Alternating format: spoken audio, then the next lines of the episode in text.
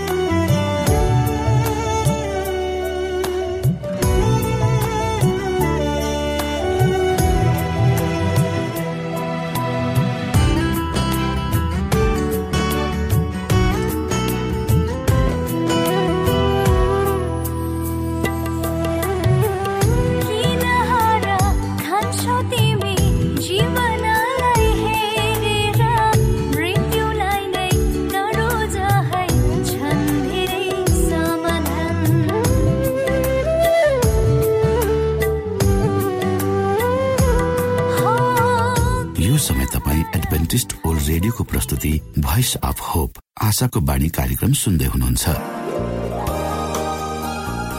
तपाईँ आशाको बाणी कार्यक्रम सुन्दै हुनुहुन्छ। हामी आशा गर्दछौँ कि तपाईँले हाम्रा कार्यक्रमहरू सुनेर आनन्द लिनु भएको छ। यदि तपाईँ हाम्रो तर्फबाट सानो उपहार प्राप्त गर्न चाहनुहुन्छ भने कृपया गरेर हामीलाई bible at the rate AWR dot ओआरजीमा लेखी पठाउन सक्नुहुनेछ। अथवा हाम्रो वाट्सएप नम्बर प्लस एक दुई दुई चार दुई दुई दुई जिरो सात सात सातमा फोन गरेर सम्पर्क गर्न सक्नुहुनेछ।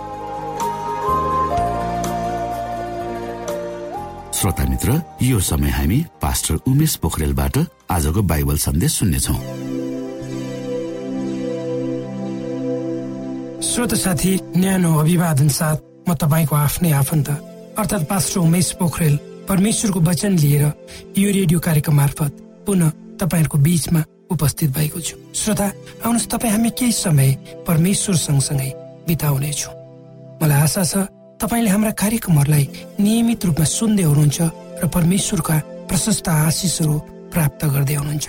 श्रोता साथी यदि तपाईँका कुनै जिज्ञासाहरू छन् कुनै कुराहरू तपाईँ हामीलाई बाँड्न चाहनुहुन्छ वा सल्लाहहरू छन् जुन हामीलाई दिन चाहनुहुन्छ कृपया गरेर हाम्रो पत्र व्यवहारको ठेगानामा लेखेर पठाइदिनु भयो भने हामी तपाईँप्रति धन्यवादी हुने थियौँ आजको प्रस्तुतिलाई पस्कनु भन्दा पहिले आउनुहोस् हामी परमेश्वरमा अगुवाईको लागि बिन्ती राख्नेछौँ।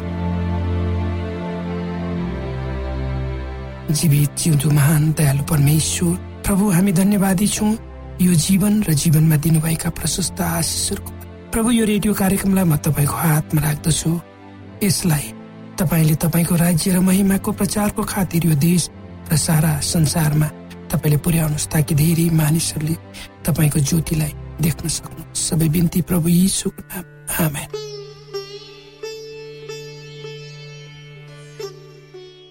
श्रोत साथी भनिन्छ तपाईँ हामीले बोल्ने शब्दहरू या त हाम्रो लागि फाइदाजनक वा हानिकारक हुन सक्छ।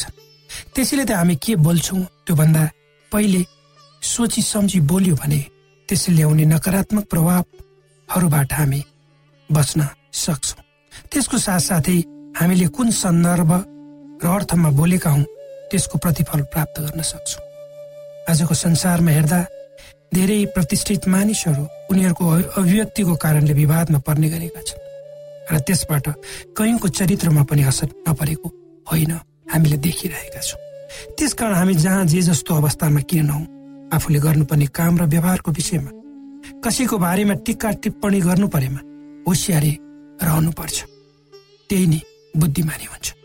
नेपालीमा एउटा भनाइ छ बोलेको बोली र बन्दुकको गोलीहरू उस्तै हुन्। एकपल्ट निस्केपछि पुनः त्यही ठाउँमा फर्किँदैन। मलाई विश्वास छ तपाईँ यो मेरो भनाइमा सहमत हुनुहुन्छ। कयौँ मानिसहरू र त्यसभित्र हामी आफै पनि पर्न सक्छौँ।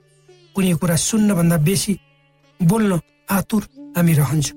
त्यसैले त धेरै समय हामी कुनै कुराको प्रतिक्रिया नबुझि नै दिन्छौँ। जब बुझ्दछौँ तब त्यो ढिलो भइसकेको हुन्छ।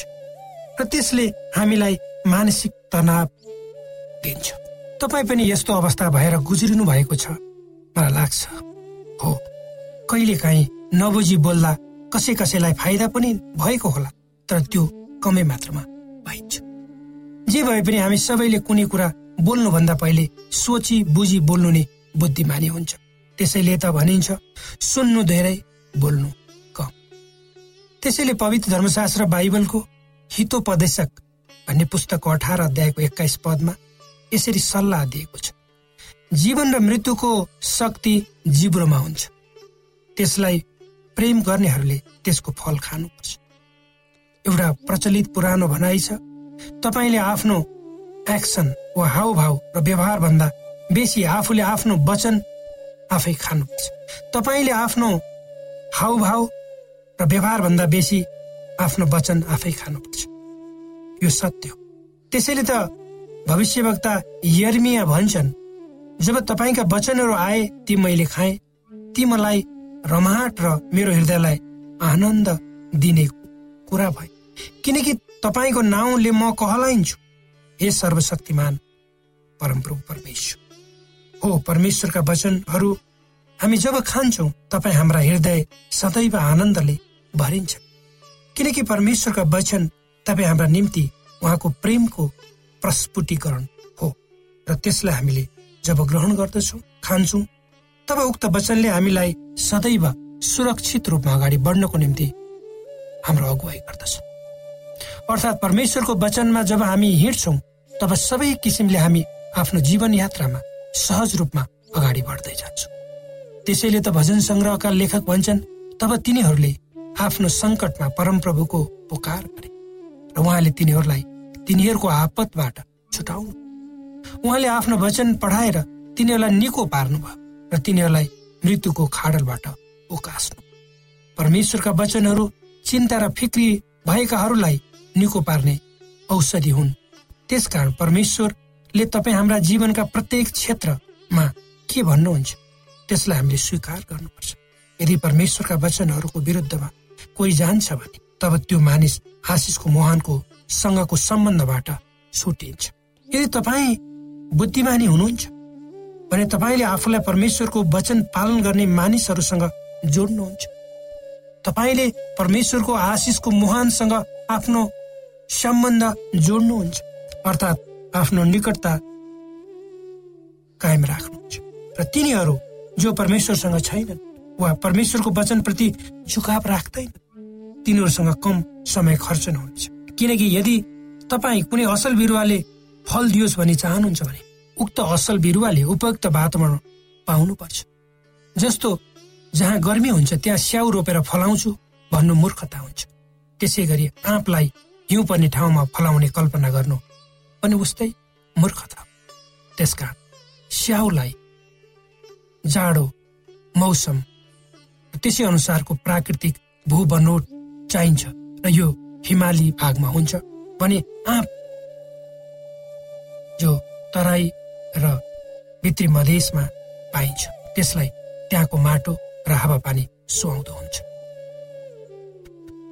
त्यसै गरी कोही पनि मानिसलाई सही बाटोमा बढ्न उसलाई फल्न फुल्नको निम्ति उपयुक्त वातावरण घर परिवार शिक्षा दीक्षा साथीभाइ सबैको महत्वपूर्ण भूमिका हुन्छ।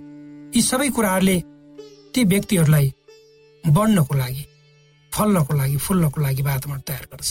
त्यसैले त भनिन्छ कुनै मानिस कस्तो छ भने यदि तपाईँ जान्न चाहनुहुन्छ भने उक्त मानिसका साथी सङ्गति कस्ता छन् त्यसबाट अनुमान गर्न सकिन्छ। केही हदसम्म? यो कुरा सत्य छ। जुन शब्द हामी बोल्छौँ जोसँग हामी समय बिताउँछौँ जसका कुराहरू हामी ध्यान दिएर सोध्छौँ ती सबै कुराहरूले तपाईँ हाम्रो जीवनको मौसम वा वातावरण कस्तो हुन्छ भने निर्धारण गर्दछ। तपाईँ र मेरो जीवन कता जाँदैछ र त्यसले कस्तो परिणाम ल्याउँछ? त्यस बारेमा सहजै भन्न सकिन्छ किनकि सफलतामा कुनै गुप्त कुरा हुँदैन र हुनु हुँदैन पवित्र धर्मशास्त्र बाइबलले भन्छ जब तपाईँ दिनरात परमेश्वरको वचनमा आफूलाई केन्द्रित गर्नुहुन्छ तब तपाईँ खोलाको किनारमा रोपेको बोर्ड जस्तै हुनुहुनेछ जसले ऋतुमा फल दिन्छ अनि जसको पात कहिले ओइलाउँदैन त्यसले जे पनि गर्छ त्यसमा त्यो सफल हुन्छ। त्यसकारण तपाईँका जीवनका सबै किसिमका चिन्ता फिक्री प्रश्नहरूको जवाब परमेश्वरमा छ। तपाईँले उक्त कुरा परमेश्वरमा नै खोज्नुपर्छ। श्रोता साथी जबसम्म तपाईँ आफ्नो जीवनमा चुनौतीको सामना गर्न तयार हुनुहुन्न तबसम्म तपाईँ आफ्नो जीवनमा सफल पनि हुनुहुन्न। यद्यपि हामीले लिने निर्णयहरूमा सावधानी अप्नाउनु पर्छ तर जबसम्म हामी आफूलाई दिएको चुनौतीयुक्त जिम्मेवारीलाई स्वीकार गरी उक्त जिम्मेवारी वहन गर्ने क्रममा आउने सबै किसिमका बाधा अवरोधहरूलाई सही प्रकारले परमेश्वरको अगुवाईमा मुकाबिला गर्न तयार हुँदैनौँ। तबसम्म हामी हाम्रो जीवनमा अगाडि बढ्न सक्दैनौँ। अर्थात् हामी जहाँ छौँ त्यही नै रहन्छौँ।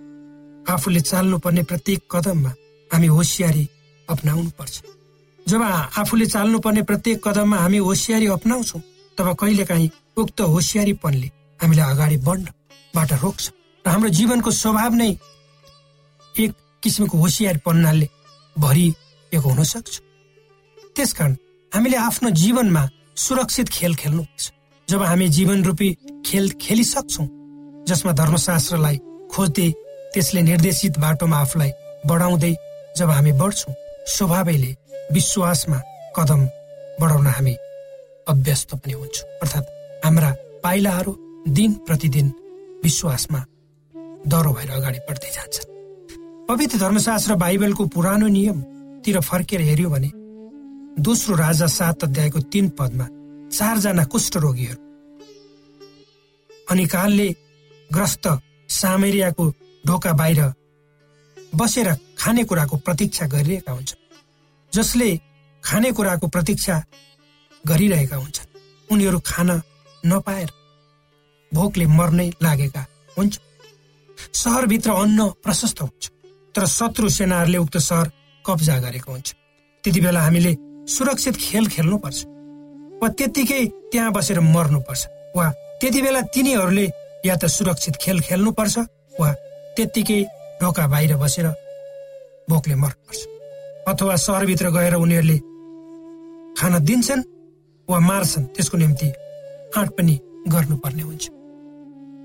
किनकि उनीहरूको विश्वासको कदम आँट गर्नुपर्ने हुन्छ र त्यसै कारण उनीहरूको विश्वासको कदमले उनीहरू बचाइन्छ। हुनसक्छ तपाईँ र मेरो जीवनमा हामीले लिनुपर्ने त्यो कुनै निर्णय छ। त्यसमा कम बेसी होला। जबसम्म हामी समय लिएर उक्त काम गर्ने आँट गर्दैनौँ वा विश्वासद्वारा एक पाइला अगाडि आफूलाई सार्दैनौँ। तब हामीले हाम्रो निम्ति परमेश्वरले दिनुभएको काम आफ्नो जीवनमा कदापि पुरा गर्न सक्दैन। त्यसैले त पवित्र धर्मशास्त्र बाइबलको उपदेशक भन्ने पुस्तकको दस अध्यायको आठदेखि नौ पदहरूमा यसरी लेखिएको छ। खाडल खन्ने मानिस आफै त्यसमा जाकिन सक्छ र पर्खाल भत्काउने मानिसलाई साँपले डस्न सक्छ र ढुङ्गा फोर्ने मानिसलाई तीबाट चोट लाग्न सक्छ अनि दाउरा काट्ने मानिस ती दाउरैबाट खतरामा पर्न सक्छ। हो श्रोत साथी यी वचनहरू तपाईँ र मेरो निम्ति पनि त्यत्तिकै आवश्यक र व्यावहारिक छन् जति त्यो समयका मानिसहरूको निम्ति थियो जुन बेला यो लेखिएको थियो। जब तपाईँ म सर्पको डसाईबाट तल खस्नबाट वा लड्नबाट चोटपटक लाग्नबाट र खतराबाट बच्ने कोसिस गर्दछौँ र केही पनि गर्दैन। भने तब तपाईँ र मैले आफ्ना जीवनमा आउने सबै अवसरहरू गुमाउनेछौँ। कहिले नसोचेका कहिले सोचेका छौँ यो बारेमा? के तपाईँ हामी विश्वासद्वारा हिँड्नु भनेको एउटा राम्रो चुनौतीलाई स्वीकार गर्नु हो र अर्को कुरा बुद्धिमानीपूर्वक चुनौतीलाई सामना गर्न आफूलाई तयार गर्नु पनि हो। तब परमेश्वरको पुरस्कार तपाईँले प्राप्त गर्नुहुन्छ। त्यस विषयमा यसरी लेखिएको छ। वंश र बोधो छ र त्यो उद्याएको छैन भने ज्यादै बल गर्नुपर्छ तर सिपले सफलता ल्याउँछ। श्रोता साथी यी वचनहरूले तपाईँलाई आफ्नो जीवनमा आइपर्ने सम्पूर्ण किसिमका बाधा अवरोधहरू परीक्षाहरू अप्ठ्याराहरूसँग सामना गर्नको लागि परमेश्वरले अगुवाई गर्नुहोस्।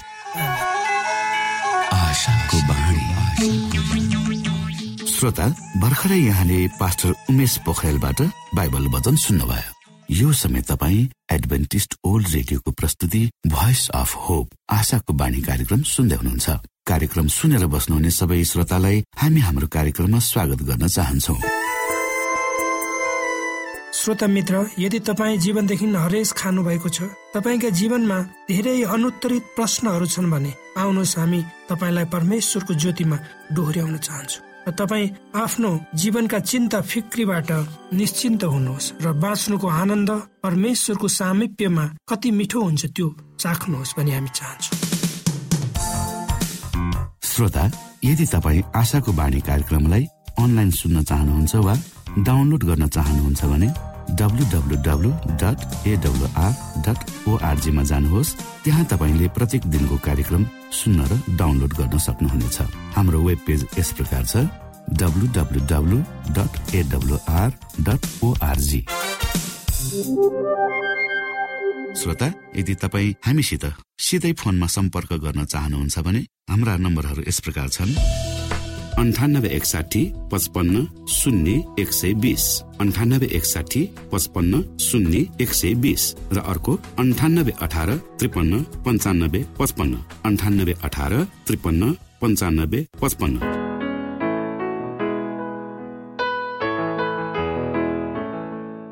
यो एडभेन्टेज ओल्ड रेडियो हो। तपाईँ आशाको बाणी कार्यक्रम सुन्दै हुनुहुन्छ। यस सम्बन्धी थप जानकारीको लागि कृपया गरेर हामीलाई सम्पर्क राख्न सक्नु हुनेछ हाम्रो इमेलको ठेगाना bible at the rate AWR dot ORG अर्थात् B I B L E at AWR dot ORG हो। तपाईँ हामीलाई हाम्रो वाट्सएप नम्बर प्लस एक दुई दुई चार दुई दुई दुई जिरो सात सात सातमा पनि कल गरेर सम्पर्क राख्न सक्नुहुनेछ। अर्थात् प्लस एक दुई दुई चार दुई दुई दुई जिरो सात सात सात। यो आशाको बाणी रेडियो कार्यक्रम हो। म धनलाल राई यहाँहरूलाई यस कार्यक्रममा न्यानो स्वागत गर्दछु। आज म तपाईँको बीचमा बाइबल सन्देश लिएर आएको छु। आजको बाइबल सन्देशको शीर्षक रहेको छ नयाँ एरुसिलम।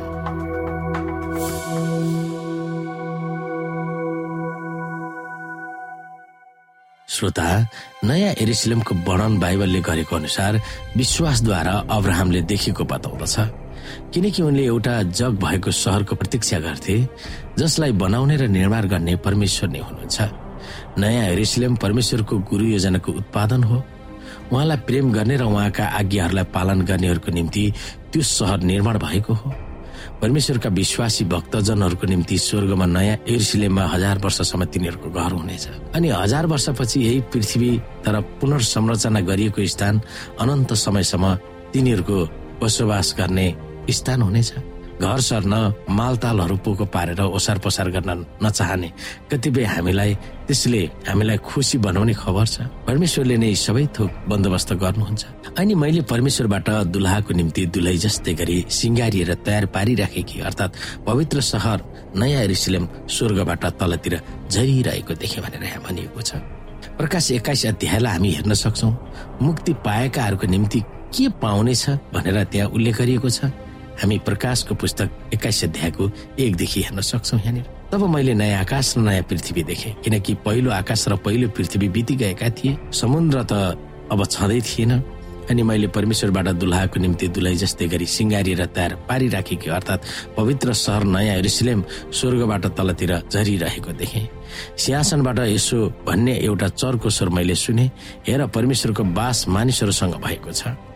उहाँ तिनीहरूसँग बास गर्नुहुनेछ र तिनीहरू उहाँका प्रजा हुनेछन् र परमेश्वर आफै तिनीहरूका परमेश्वर भएर तिनीहरूसँग रहनुहुनेछ। उहाँले तिनीहरूका आँखाको आँसु पूर्ण रूपले पुछिदिनु हुनेछ र फेरि मृत्यु नै हुने छैन र शोक र पीडा पनि हुने छैन। किनकि पहिलेका कुराहरू बितिसकेका छन्। सिंहासनमा विराजमान हुनुहुनेले मलाई भन्नुभयो हेर म सबै कुरा नयाँ तुल्याउँछु उहाँले यसो पनि भन्नुभयो यो लेख यी कुराहरू भरपर्दा र सत्य छन्। उहाँले मलाई भन्नुभयो अब सिद्धियो म अल्फा र ओमेगा हुँ आदि र अन्त म नै हुँ। तिर्खाउनेहरूलाई जीवनको पानीको फुहाराबाट म सित्तैमा दिनेछु।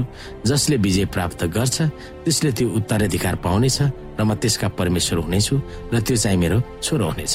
तर डरपोकहरू अविश्वासीहरू हिनलाग्दा भएकाहरू हत्याराहरू व्यवचारीहरू जादुगरहरू मूर्तिपूजकहरू र झुटा बोल्नेहरू सबैको हिस्सा आगो र गन्धक दनकन्ने कुण्डमा हुनेछ। यो दोस्रो मृत्यु हो। तब ती सात अन्तिम विपत्तिले भरिएका सात कचौरा हुने सात स्वर्गदूतहरूमध्ये एकजना आएर मलाई यसो भने आउ म तिमीलाई थुमाकी पत्नी उहाँकी दुलही देखाउनेछु। तिनले मलाई पवित्र आत्मामा एउटा ठुलो र उच्च पर्वतमा लगे र परमेश्वरबाट स्वर्गदेखि तलतिर झरिरहेको पवित्र सहर हेरिसले मलाई देखाए। त्यसमा परमेश्वरको महिमा थियो र त्यसको चमक बहुमूल्य रत्नहरू तथा बिल्लोर स्टफिक जस्तो चहकिलो थियो। त्यसको वरिपरि ठुलो र अल्गो प्रकाल थियो र त्यसबाट बाह्र ढोकाहरू थिए। ढोकाहरूमा बाह्र स्वर्गदूतहरू थिए। ती ढोकाहरूमा इजरायलका बाह्रै कुलका नाउँ लेखिएको थिए। पूर्वमा तीन ढोकाहरू उत्तरमा तीन दक्षिणमा तीन र पश्चिममा तीन ढोकाहरू थिए। सहरको पर्खालका बाह्र जग थिए तीमाथि थुमाका बाह्रै प्रेरितहरूका बाह्र नाउँ लेखिएको थियो। सहर र त्यसका ढोकाहरू र पर्खाललाई नाप्नलाई मसँग बोल्नेसँग एउटा सुनको नाप्ने टाँगो पनि थियो। त्यो सहर वर्गाकार थियो त्यसको चौडाइ र लम्बाइ समान थियो। तिनले त्यस टाँगोले नाप्दा त्यो सहर दुई हजार चार सय किलोमिटर थियो। त्यसको चौडाइ र उचाइ बराबर थियो। स्वर्गदूतले त्यसको पर्खाल पनि नापेर मानिसले चलाएको नाप अनुसार त्यो पैसठी मिटर थियो। त्यो पर्खाल बिल्लोरले बनेको थियो र सहर चाहिँ निखुर सुनले बनेको थियो र सफा काँच जस्तै थियो चम्कन थियो। पर्खालका जगहरू अनेक किसिमका बहुमूल्य रत्नहरूले जडिएका थिए।